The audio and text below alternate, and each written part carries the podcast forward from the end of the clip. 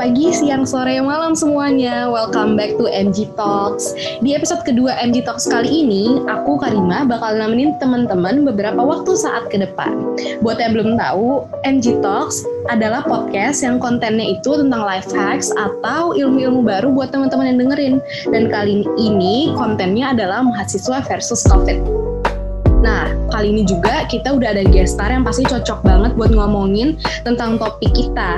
Langsung aja kepada Dokter Fatimah, uh, silahkan memperkenalkan diri. Halo MG Talks, uh, nama saya Fatimah Hamalia, biasa dipanggil Sima. Saya seorang dokter umum, lulusan dari UNPAD juga loh. Saya uh, angkatan 2013, masuknya lulusnya 2018. Saat ini saya kerja di Rumah Sakit Angkatan Udara di uh, Kabupaten Bandung. Oke, jadi itu dia ya, ada dokter Fatima. Apa kabar dokter? Alhamdulillah baik. Frustasi tapi gitu ya dok. Kesibukannya apa dok kali akhir-akhir ini? Uh, kesibukannya kerja aja ya, jaga, pulang, jaga, pulang. Oh gitu ya dok. Berarti berarti sibuk banget ya dok pasti ya. Ya lumayan ya soalnya kan bisa dilihat sendiri kan di berita terus di jalanan juga kedengaran kan ya suara ambulans silih berganti lalu di sosial media kelihatan lah sedang ada apa nih. Oke berhubung dokter udah mulai mancing-mancing nih dok kita langsung aja nih dok. Uh, masuk ke topik utama kita. Uh, first impression dokter tentang uh, corona atau covid-19 ini masuk ke Indonesia gimana dok first impression satu setengah tahun yang lalu berarti nih? Ya satu setengah tahun yang lalu sekitar bulan Februari atau Maret ya itu. Uh, waktu itu um, awalnya sih masih agak santai ya. Karena kan saat itu kita belum tahu apa-apa ya itu akhir Februari kayaknya.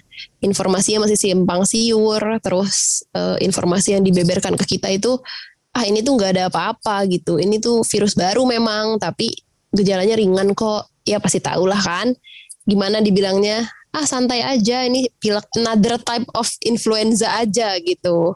Cuma pas semakin ke sini waduh semakin gimana ya hmm, ternyata tidak sesederhana itu gitu. Ternyata ini cukup berbahaya loh. Oh jadi gitu ya dok, berarti awal-awal santai, lama-lama makin hmm, makin nggak santai ya ternyata. Dokter pun kayak gitu. Oke, okay. tapi uh, mungkin sebelum kita ngebahas mahasiswa dan uh, ma mahasiswa dan COVID, baiknya kita tahu dulu ya dok tentang COVID, tentang corona, COVID, apa pun ini disebut-sebutnya. Uh, jadi mungkin dari yang paling basic aja deh dok, bagaimana sebenarnya COVID ini bisa menular? Ini juga sejujurnya kan berubah-berubah ya. Awal banget tuh kita tahu dia itu droplet pada tahu nggak droplet itu apa? Jadi droplet tuh kayak uh, percikan ludah kayak gitu atau kayak ya semacam itulah droplet gitu. Jadi butuh ada sesuatu jadi kayak cairan gitu loh. Nah kalau droplet itu ada lagi satu lagi airborne. Sekarang kan uh, termasuk dimasukkannya kategorinya penularannya sebagai airborne ya. Jadi kalau airborne tuh dia penularannya jauh lebih cepat gitu. Kita berada di satu ruangan yang sama, nggak ada yang muncrat, nggak ada yang apa nih ludahnya, tetap bisa menular kayak gitu sih. Makanya sekarang eh, protokol kesehatannya semakin ketat lagi kan. Kemarin-kemarin masker satu sekarang dua ya kayak gitu. Wajar sih ya sebenarnya kan dari awal informasinya berubah-ubah ya karena kan namanya virus baru. Jadi penelitian dan ilmu pengetahuannya berkembang terus gitu. Oke, tapi berarti walaupun airborne droplet masker itu disebutnya efektif ya dok? Atau enggak juga? Mungkin udah banyak lihat infografisnya ya di Instagram, di sosial media pasti udah banyak lah yang ada gambar kalau kedua-duanya pakai masker mengurangi berapa persen, yang satu pakai yang satu enggak, yang kayak gitu loh itu bener bener adanya gitu. Jadi paling efektif kalau ya semua orang pakai masker. Kalau kita pakai masker sendiri, tapi yang sakitnya nggak pakai masker atau kebalikannya nggak akan seefektif itu juga gitu. Oke, jadi uh, prokes-prokes itu perlu banget ya dok. Uh, Terus tanggapan dokter buat teman-teman yang masih mengabaikan prokes-prokes yang udah dijelaskan itu gimana dok? Soalnya kan dari sudut pandang seorang dokter pasti beda nih dari sudut pandang orang-orang yang bukan tenaga medis gitu. Hmm, gimana ya? Jujur akhir-akhir ini lagi frustasi banget sih karena lihat, eh, maksudnya kita kan lihat langsung ya keadaannya di lapangan kayak gimana. Orang-orang tuh suka terlalu menggampangkan bahwa ya emang benar sih secara statistik 99% atau 90 something lah itu dia sembuh. Tapi itu statistik statistik sedunia loh. Itu sedunia dan tidak kita tuh nggak bisa disamakan fasilitas kesehatan kita sama fasilitas kesehatan di luar negeri gitu. Jadi bisa aja di, di mereka nih 90% orang sembuh. Di kita belum tentu segitu loh. Dan kita nggak punya angka real gitu. Karena pelaporan kita jelek. Gimana ya, keadaan di lapangan tuh uh, ya lebih buruk lah daripada apa yang kalian lihat di sosial media di berita. Karena kan uh, cenderung apa ya orang tuh ngebagus-bagusin gitu. Ya mungkin tujuannya untuk meredam keresahan masyarakat. Cuma masyarakat kita tidak resah tuh malah jadi menggampangkan. Coba lihat berapa banyak orang liburan atau influencer-influencer yang keluar negeri. Ini no offense ya tapi maksudnya eh gimana ya? Ya gitulah itu cukup bikin frustasi. Oke, berarti kalau dari sudut pandang seorang dokter pasti ini tuh kayak gregetan gitu ya, kayak aduh kenapa sih ini masih kayak gini aja? gitu, setelah satu setengah tahun masih gini-gini aja. Oke, terus dok ini kan seperti yang dokter bilang tadi ada kayak simpang siur, masih banyak info-info yang kayak mm, nggak terkonfirmasi karena kan penelitiannya juga masih berlangsung. Terus sempat rame juga nih dok di Twitter tentang ngebahas air putih dicampur dengan tetesan minyak kayu putih. Terus sebenarnya bisa nggak sih kayak minyak kayu putih, jahe, bawang putih dan lain-lain itu untuk menambah imun kita atau memperbaiki panca indera pada saat lagi anosmia atau kehilangan uh, indranya gitu. Soalnya kan kita juga nggak tahu nih dok kayak kita tuh sebenarnya kalau menghindari COVID itu gimana sih sama cara mengobatinya gimana sih? Satu-satu ya kita jawabnya. Kalau yang uh, apa ya bahan-bahan tradisional kayak minyak kayu putih, jahe, bawang itu tuh belum ada penelitian yang cukup untuk bilang itu efektif atau enggak gitu. Jadi kalau saya pribadi sih, kalau itu tidak untuk diminum, kayak minyak, itu kan obat luar ya? Atau apa ya waktu itu pernah ada juga. Pokoknya sesuatu yang tidak diciptakan untuk diminum, ya udahlah nggak usah diminum gitu. Tapi kalau kayak jahe, bawang putih, itu kan emang dari dulu emang kita makan, kita minum gitu ya. Jadi kalau menurut saya kalau yang kayak gitu, menurut saya pribadi nih, walaupun secara penelitian maksudnya kita belum bisa bilang iya ini obatnya loh nggak bisa bilang kayak gitu cuma namanya ikhtiar mah sok aja tapi kalau yang kayak minyak kayu putih gitu atau apa apalagi sih suka ada ya gitu minum ini minum itu minum minyak kayu putih sebelum PCR biar PCR-nya negatif ya itu eh, mending jangan sih daripada bikin masalah baru itu yang pertanyaan tadi ya yang kedua eh, apa aja tadi pengobatan atau pencegahan ya? Ya, pengobatan dan pencegahan dua-duanya dok. Kalau pengobatan sebenarnya sejauh ini, uh, jadi kalau di dunia kesehatan pengobatan tuh ada dua jenis. Pengobatan, misalnya kita kayak infeksi nih, kita obati sebabnya. Misalnya kayak jerawat aja. Jerawat tuh kan ada infeksi ya disebabkan oleh bakteri. Jadi bisa kita obati si bakterinya, tapi bisa juga kita obati misalnya bekas jerawatnya, kemerahannya. Itu kan dia nggak nyetop pertumbuhan jerawat ya, tapi eh, kita nyetop gejala-gejalanya. Begitu juga penyakit-penyakit lain, misalnya kayak demam berdarah atau tipes deh. Tipes itu kan disebabkan bakteri. Nah, kita kasih antibiotik buat ngilangin bakterinya, tapi kita juga kasih misalnya probiotik gitu untuk kesehatan saluran pencernaannya. Nah, untuk COVID ini, secara garis besar virus itu memang nggak ada obatnya. Jarang lah ada penyakit virus yang dikasih obat. Kayak demam berdarah, itu kan virusnya nggak ada obatnya. Begitu juga ini. Jadi untuk eradikasi virusnya, penelitian mencari antivirusnya masih terus berjalan gitu. Tapi sejauh ini belum ada penelitian yang menyatakan bahwa suatu terapi itu efektif. Sekarang sebenarnya protokol yang dipakai di Indonesia itu ada macam-macam ya. Ada oseltamivir, ada ya ada macam-macam lah nama-nama antivirus yang mungkin kalian juga nggak pernah dengar. Cuma sejauh ini penelitiannya belum belum ada yang bilang bahwa itu 100% efektif. Kalau udah ada obatnya kan kita pasti nggak perlu khawatir ini ya. Kalau ada obatnya pasti akan jauh lebih terkontrol. Cuma yang namanya ilmu pengetahuan kan terus berkembang ya kita tunggu aja gitu. Uh, jadi nggak usah lah panic buying, beli semua obat ivermectin itu belum ada efektif sama sekali. Tapi namanya orang usaha kan, ya kalau udah sakit mah usaha, tapi itu bukan ranah masyarakat umum. Itu ranah petugas kesehatan. Kita yang menentukan orang ini gejala seperti ini, kita usahakan apa ya, kayak gitu. Itu tentang pengobatan. Nah, tapi kan ada gejala-gejalanya nih, kayak batuk, pilek, atau sesek. Nah, itu demam, sakit-sakit badan, itu kita kasih obat. Sebenarnya obatnya, nah, nah kalau obat-obat buat uh, gejalanya, itu mah bisa dibeli bebas misalnya kayak paracetamol gitu demam minum paracetamol nggak masalah bisa sendiri juga kalau itu dan yang terakhir tadi pertanyaannya pencegahan ya betul sekali dok oh pencegahan ya saya yakin sebenarnya semua pasti udah pada hafal 5M udah pada kenyang kan sama prokes-prokes tapi kalau buat saya pribadi yang paling efektif untuk mencegah adalah uh, menghindari ketemu orang. Karena virus itu kan saling menular, harus ada yang bawa ya, harus ada inangnya. Jadi kalau kita nggak ketemu orang, coba tanya ada orang nggak keluar rumah dua tahun, nggak akan dia ketularan COVID. Siapa yang mau bawa ke dia?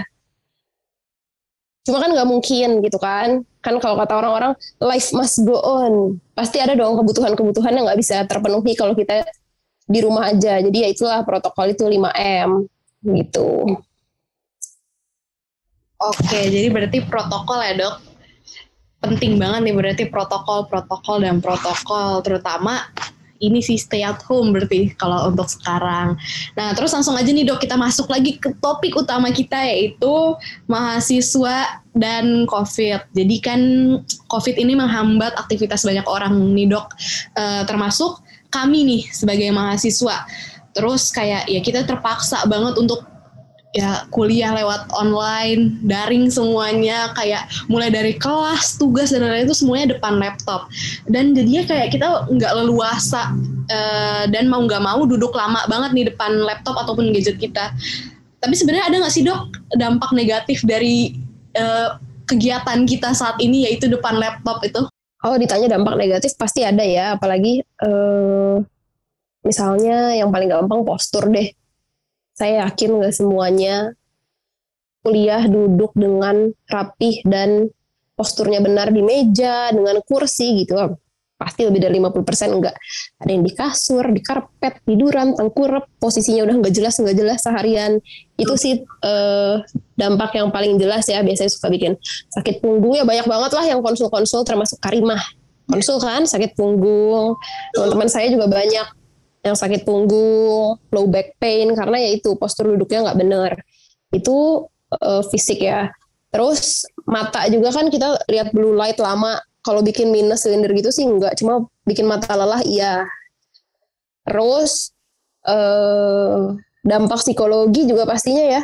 Apalagi buat orang-orang yang uh, gaining energinya dari ketemu orang lain. Pasti situasi kayak gini itu secara psikologi cukup draining gitu cuma kalau bisa di rumah situasi sekarang ini itu adalah privilege paling besar gitu. Kalau kalian bisa bisa aman di rumah cuma untuk sakit-sakit punggung gitu ya udahlah telan aja. Daripada kena kan? Bener banget sih dok. Setuju banget. Dibandingin kena covid mendingan sakit punggung. Setuju banget.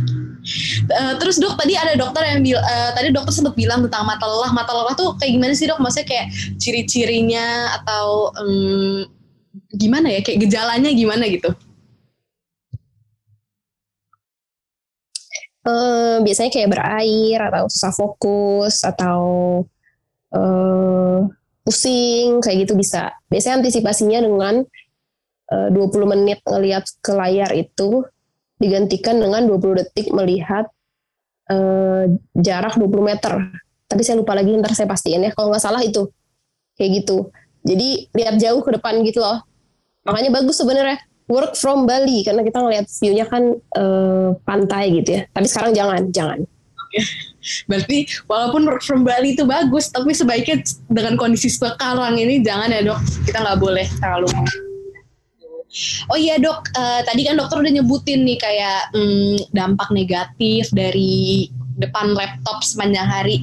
Terus uh, untuk menghindari dampak negatif itu gimana dok? Misalkan menghindari low back pain yang tadi dokter bilang, menghindari ya low, yang kayak penyakit-penyakit terutama secara fisik sih dok, gimana tuh?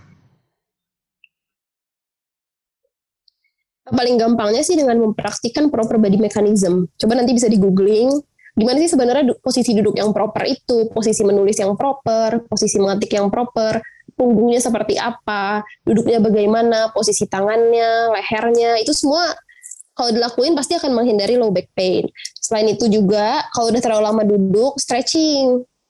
Karena kita lama duduk tuh walaupun rasanya kayak nggak kerja keras, tapi sebenarnya ototnya kan tetap kontraksi gitu, makanya perlu kita stretching. Terus eh, aktivitas fisik sih. Jadi ototnya nggak cuma dipakai duduk aja. Tetap ada aktivitas fisik yang dilakuin sehari-hari. Oke, jadi itu dia cara menghindarinya ya. Terus uh, kalau udah secara fisik, uh, gimana sih dok cara me menjaga uh, mental atau psikologi kita selama untuk tetap sehat sama kuliah online itu, selama kuliah online ini?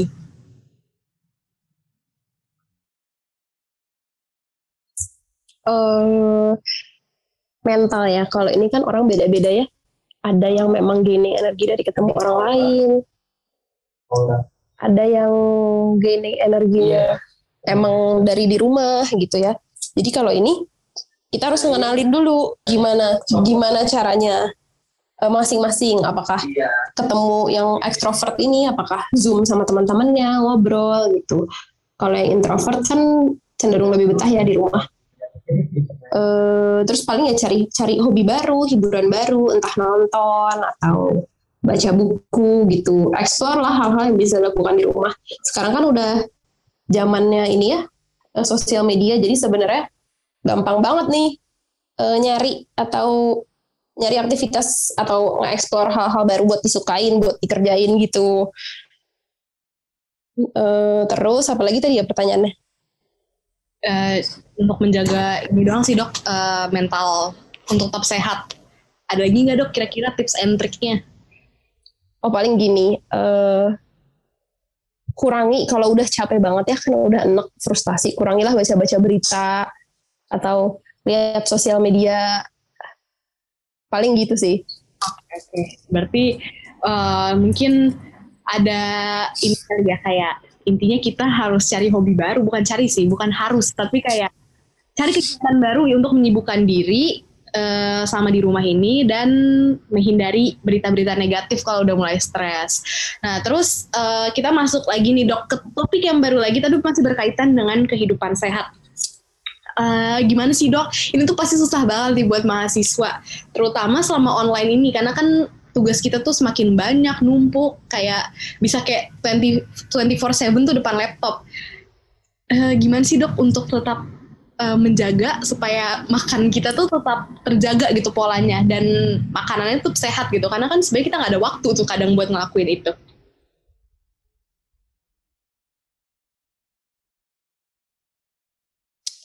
Hmm, nggak ada waktu ya nggak ada tuh nggak ada waktu. Waktu itu disempetin. Bukan waktu luangnya tapi kita cari waktu luang gitu loh. Eh kalau sebenarnya makanan pola hidup sehat itu sederhana gitu loh. Apalagi buat yang bisa di rumah aja gitu masih sama orang tua. Gampang banget ya udah makan makanan yang di rumah aja gitu. Kurangin jajan-jajan yang nggak penting yang fast food atau kayak soda gitu gitu loh ah saya yakin semua udah pada tahu lah cuma pada males aja mempraktekannya. Bener sih dok. Tapi uh, sebenarnya ada nggak sih dok kayak makanan simple yang kayak menurut dokter ini tuh ini coba deh dikonsumsi. Misalkan kayak nggak ada makanan di rumah coba kalian makan ini aja gitu kayak biar ini tuh sehat uh, mudah dan eh, nggak uh, time consuming gitu Nah, kalau menjawab makanan apa sih sebenarnya yang kayak tadi Karimah tanya itu nggak bisa dijawab secara misalnya kayak satu makanan yang ini sehat, yang ini enggak, nggak bisa dikotak-kotakin kayak gitu ya. Karena kan latar belakang ekonomi orang beda-beda, sosial, terus kayak budaya. Ada yang sukanya makan A, ada yang nggak suka makan B. Eh, yang jelas sih, mostly yang dimasak di rumah itu cenderung lebih sehat dibanding beli gitu. Tapi kalau belinya yang fast food fast food gitu ya. Terus yang harus diingat bahwa diet itu bukan sebuah upaya menjadi kurus, tapi diet adalah gaya hidup yang seharusnya dipraktikkan secara konsisten setiap hari. Oke, jadi diet itu bagus banget itu dok. Diet adalah gaya hidup. Itu itu itu itu ngajarin aku juga sih pribadi. Karena aku masih suka kayak aku mau diet buat kurus dan suka dimarahin juga sama dokter Fatimah. Oke, langsung aja. Masih nyambung sama pertanyaan yang tadi dok. Uh, karena kita sibuk dan lain-lain banyak tugas. Adakah saran olahraga yang aman dan tidak membutuhkan waktu yang lama? Karena aduh olahraga itu yang paling susah sih dok kayak males banget gitu kayak kadang tuh aduh mager banget gitu kalau kita gimana tuh dok olahraga sebenarnya kalau pada olahraga tuh awal-awalnya emang harus dipaksa dulu tapi nanti kalau udah jadi kebiasaan pasti ngerasain manfaatnya akhirnya jadi konsisten sendiri gitu. Kalau olahraga apa, sebenarnya yang disarankan itu kan 30 menit per hari, 5 sampai 7 kali seminggu. Berarti kan sebenarnya hampir setiap hari ya. Kalau jenisnya sendiri sih ya gimana kesukaan aja ya ada yang sukanya lari ya silahkan aja 30 menit 20 menit itu kan bentar banget terus uh, sepeda atau kalau mau yang paling aman dengan di rumah aja sih banyak ya di YouTube. Kayak kalau cewek-cewek yang mungkin zumba atau cowok-cowok kayak hit kayak gitu. Oke. Hit itu uh, boleh dikasih tahu nggak dok? Hit itu apa? Hit itu uh, high intensity interval training. Jadi uh, suatu apa ya bagian jenis suatu jenis olahraga yang dilakukan dalam waktu singkat tapi intensitasnya tinggi gitu. Oke, tapi uh, ini ini nggak sih dok? Kayak hit kan tadi dokter bilang kayak itu high intensity gitu ya. Uh, ada nggak sih dok yang kayak kan kita kan misalkan masih ada yang baru-baru nih baru mulai olahraga lagi ada nggak sih dok yang lebih cocok buat orang-orang tersebut? Termasuk aku nih aku tuh sejujurnya pernah nyobain hit dan aku tuh nggak nggak kuat gitu. Adakah uh, saran olahraga lain kalau itu uh, cari yang low intensity aja. Sebenarnya banyak ya jenis olahraga. Kayak lihat di YouTube tuh ada yoga ada uh, pilates. Ya banyak lah. Mana yang nyaman aja. Yang penting sih tahu limit masing-masing. Dan yang paling penting adalah konsisten dijalankan. Oke, berarti kita harus tahu limit dan konsisten. Karena sebenarnya yang paling susah itu konsistennya sih karena kadang kita pengen olahraga nih kayak hari ini olahraga besok nggak lagi besoknya nggak lagi terus besoknya pengen lagi olahraga itu kan nggak konsisten ya. Jadi teman-teman harus mulai belajar nih buat terus konsisten untuk olahraga. Tapi dok sebenarnya ada nggak sih uh, dampak jangka panjang dari olahraga? Karena kan kalau untuk dampak besok-besok mah pasti kita bakal kayak ya udahlah besok aja lihat besok. Tapi sebenarnya kalau di hari nanti gitu misalkan kayak udah tua itu ada nggak sih dampaknya? Atau ya udah gitu aja gitu banyak banget dong. Jadi kalau dampak jangka pendeknya itu kan dia rilis endorfin ya jadi bikin happy mengurangi stres. Terus kalau penyakit-penyakit yang dipengaruhi sama psikologi itu dia akan ngebantu banget. Terus kalau jangka panjangnya banyak nih dia tuh mengurangi uh, risiko terkena penyakit-penyakit tidak menular seperti darah tinggi, kencing manis, terus kanker yang kayak gitu. Terus kalau buat cewek-cewek nih apalagi nih, dia tuh jangka panjangnya mencegah keriput, uh, memperbagus kulit gitu. Kan biasanya udah pada ini nih sama skincare skincare dibantu dengan olahraga. Nanti pasti lebih bagus lagi kulitnya. Oke, berarti ini berarti aku pengen aku nggak pengen berkerut nanti di hari tua aku harus olahraga dari sekarang ya. Karena kan ya siapa sih yang nggak pengen cantik? Oke terus dok uh, mungkin kalau misalkan ngomongin tentang kegiatan kita di rumah terus udah capek kali ya. Uh, menurut dokter eh, ini sebelum kita masuk ke topik selanjutnya kira-kira uh, vaksin nih dok kita masuk ke topik vaksin. Vaksin itu uh, gimana sih dok kerjanya dan gimana sih uh, sepenting apa gitu vaksin selama pandemi ini?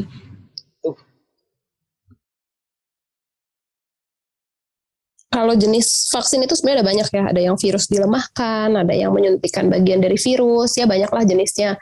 Cuma pada dasarnya semua kerjanya sama. Jadi dia nge-trigger sistem imun kita untuk menciptakan suatu eh, gampangnya suatu tentara-tentara spesifik. Jadi badan kita tuh kan pinter ya. Kalau kita diserang sama suatu penyakit, dia bikin sistem imun spesifik terhadap penyakit itu. Misalnya kayak cacar. Ya udah dia bikin sistem imun untuk virus cacar. Jadi begitu ada kita terkena atau terpapar virus cacar lagi, sistem imun ini bekerja menetralisir si virus sehingga kita nggak jadi sakit.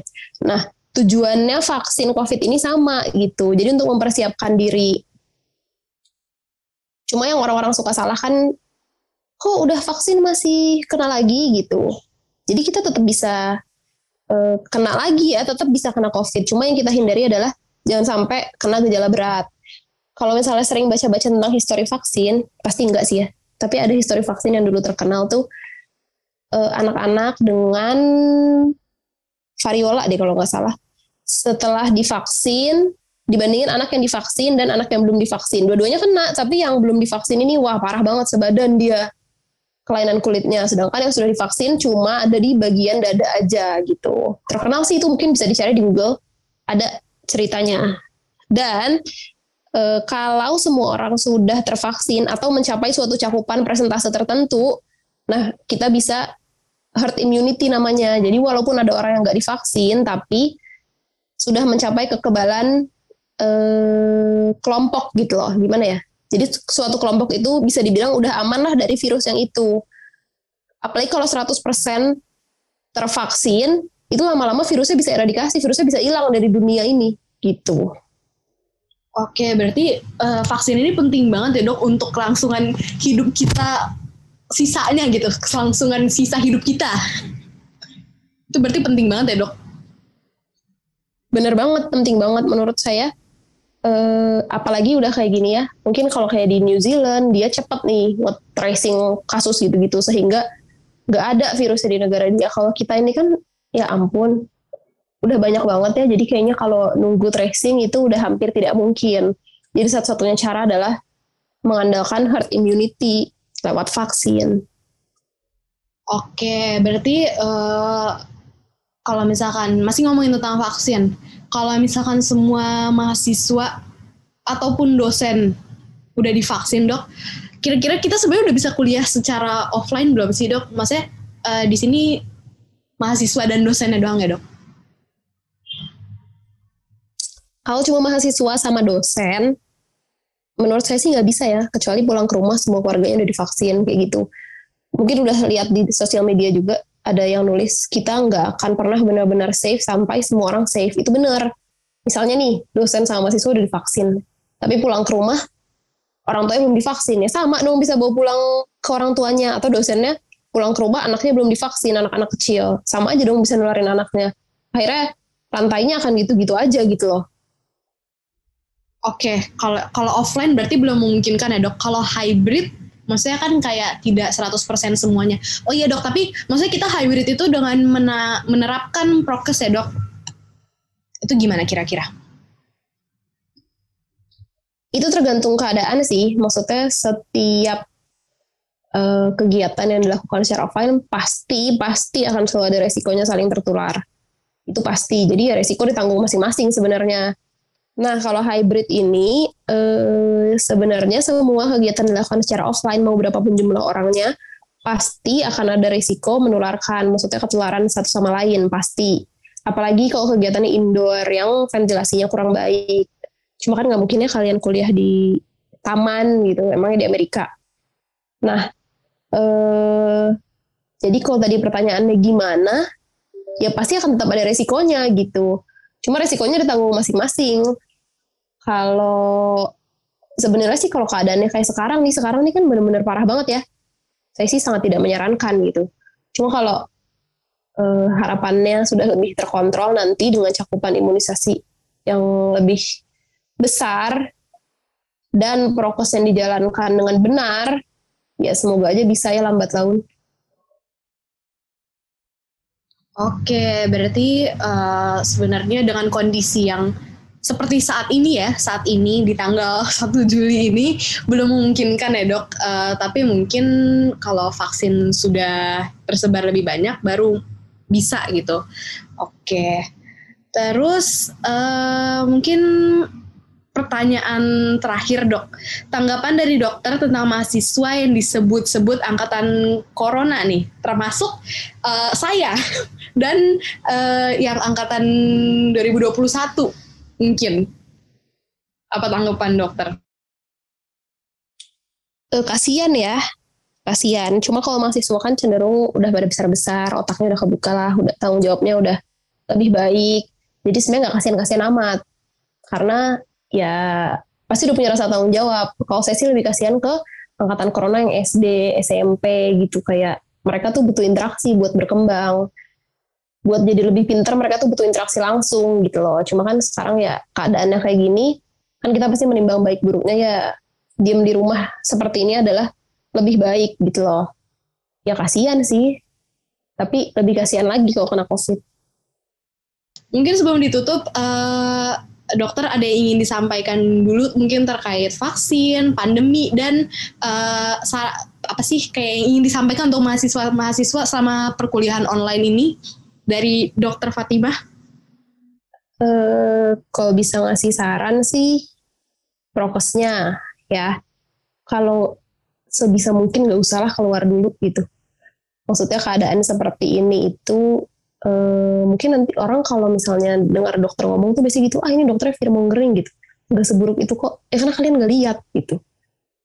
Aslinya seburuk itu dan semelelahkan itu. Kan pada bilang ah kan enak dokter nggak kehilangan pekerjaan duitnya banyak dapat insentif. Tapi itu nggak ada apa-apanya sama apa yang harus kita saksikan gitu loh di lapangan. Ngelihat ini sekarang banyak rumah sakit tutup ya banyak IGD rumah sakit tutup loh karena oksigen habis. Bayangin aja kita lihat pasien sesek, udah mah ada obatnya, kita bisa bantu dengan oksigen, oksigennya habis juga gitu. Ya kalian nggak mau itu terjadi sama kalian atau keluarga kalian. Walaupun mungkin cuma satu persen dari total populasi di bumi ini, tapi kalau satu persennya itu orang yang kalian kenal gimana gitu loh. Nah, eh, selain prokes juga eh, daya tahan tubuh. Caranya gimana sih? Yaitu ya aktivitas fisik 30 menit sehari 5 sampai 7 hari, terus asupan nutrisi yang baik. Nah, kalau saya sih, saya menyarankan tetap minum vitamin, vitamin C, atau multivitamin lah, merek apa aja nggak masalah. Soalnya e, multivitamin itu ada berbagai macam ya, dari yang harganya satu strip 3000 juga ada gitu. Sampai yang harganya satu strip 40000 juga ada. Tapi sebenarnya yang mana aja, karena jarang lah kita tuh sebenarnya kebutuhan vitamin dan mineral kita terpenuhi dengan baik cuma dari makan sayur sama buah. Karena kan kebiasaan di Indonesia itu jarang ya. Nggak semua keluarga tiga kali sehari makan sayur dengan buah gitu. Jadi kalau saya sih mending kita bantu dengan vitamin. Ah, selain itu yang nggak kalah penting juga tidur yang cukup. Apalagi anak-anak zaman online. Nggak usah anak kuliah ya. Anak kuliah makan dari zaman offline juga kan suka begadang ngerjain tugas. Sekarang anak SD, anak SMP aja kerjaannya begadang. Nonton, begadang. Itu menurunkan sistem imun ya begadang-begadang tidak jelas itu. Dan jumlah jam tidur kalian malam itu tidak bisa digantikan waktu siang. Gitu. Ah tadi malam baru tidur 4 jam berarti ntar siang tidur 4 jam lagi. Kan 8 jam sehari. Nggak kayak gitu gitu ya. Tidur sama yang terakhir ya kalau lah stres dengan baik sih. Ini pasti masa sulit buat semua orang. Tapi ya kita eh, diberi kesempatan sama Tuhan untuk mempelajari diri kita sendiri lebih baik lagi gitu try to know ourselves better lah. Itu uh, masalah si tadi daya, tahan tubuh ya. Yang kedua vaksin. Ya secepatnya vaksin gak usah ditunda-tunda gak usah pilih-pilih. Vaksin terbaik adalah yang bisa disuntikan ke kita secepatnya. Nanti kalau emang ada kesempatannya dan penelitian udah bilang gimana-gimana begitu banyak vaksin dan vaksin udah banyak udah diperjualbelikan kan bisa ya kita suntik lagi atau gimana. Tapi untuk saat ini vaksin terbaik adalah vaksin yang bisa disuntikan secepatnya Terus setelah divaksin, sistem imun itu tidak langsung terbentuk. Paling enggak butuh 1-2 bulan. Untuk vaksin itu efektif. Makanya ada yang, ah udah divaksin kok tetap meninggal, ternyata vaksinnya baru satu minggu yang lalu gitu. Terus vaksin itu kan penyuntikan rata-rata nggak cuma sekali ya, satu sampai dua kali. Nah biasanya kayak kebetulan saya kan dapetnya Sinovac. Sinovac itu sistem imun kita baru ke trigger kebentuk satu bulan setelah penyuntikan kedua. Sedangkan jarak dari penyuntikan pertama ke kedua itu satu bulan. Kebayangkan lama. Makanya setelah vaksin pun prokes tetap harus dijalankan. Dan yang terakhir eh, pesan terhadap mahasiswa ya. Ini pesan maksudnya apa nih? Pesan di masa COVID atau pesan secara general sebagai mahasiswa? Pesan pesan selama COVID dan secara general juga sih dok. Boleh keduanya. Kalau di masa COVID ini ya, uh, saya tahu ini masa yang sulit ya. Buat semua orang lah, nggak cuma buat mahasiswa. Apalagi buat mahasiswa mungkin, karena uh, ini waktunya buat explore, buat temenan sana-sini, buat berorganisasi. Tapi percayalah, pengorbanan yang kalian lakukan di rumah itu, itu menjaga diri kalian dan menjaga orang-orang yang kalian sayang, dan pada akhirnya akan menjaga uh, semua orang di dunia ini gitu loh. Ya mungkin dunia terlalu besar lingkupnya. Jadi wilayah kalian lah di Indonesia, entah di Jakarta atau di mana kalian berada sekarang. Kalau uh, pesan untuk mahasiswa secara umum, hmm, kalau saya sih yang saya sesali adalah saya nggak explore banyak hal gitu. Terlalu apa ya?